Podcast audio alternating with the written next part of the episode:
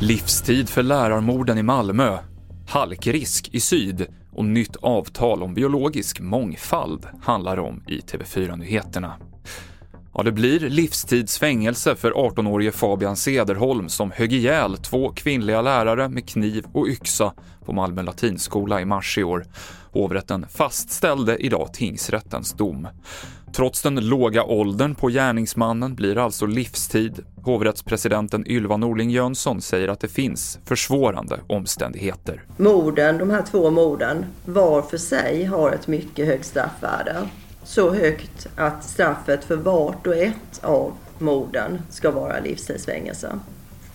Och här har vi då beaktat att eh, 18-åringen handlade med avsikt att offren skulle dö att angreppen var helt oprovocerade, att morden var planerade, att våldet riktades mot lärare på deras arbetsplats och inför en kollega och en elev. Vi har också beaktat att det var fråga om ett mycket omfattande, brutalt och besinningslöst våld. Mer om domen på tv4.se. SMHI varnar för ishalka idag på flera håll i södra Sverige, från Skåne upp mot Värmland, Närke och Mälardalen.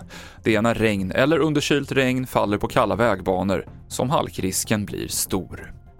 Och länderna på FNs klimatkonferens om biologisk mångfald i Montreal i Kanada har kommit överens om ett avtal där de bland annat förbinder sig till att skydda 30% av jordens yta senast år 2030.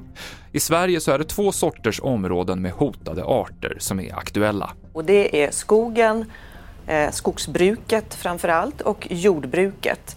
Där behövs fler insatser. Vi har väldigt mycket kunskap, eh, väldigt duktiga forskare på det här området och vi vet ganska mycket om vilka åtgärder som behövs.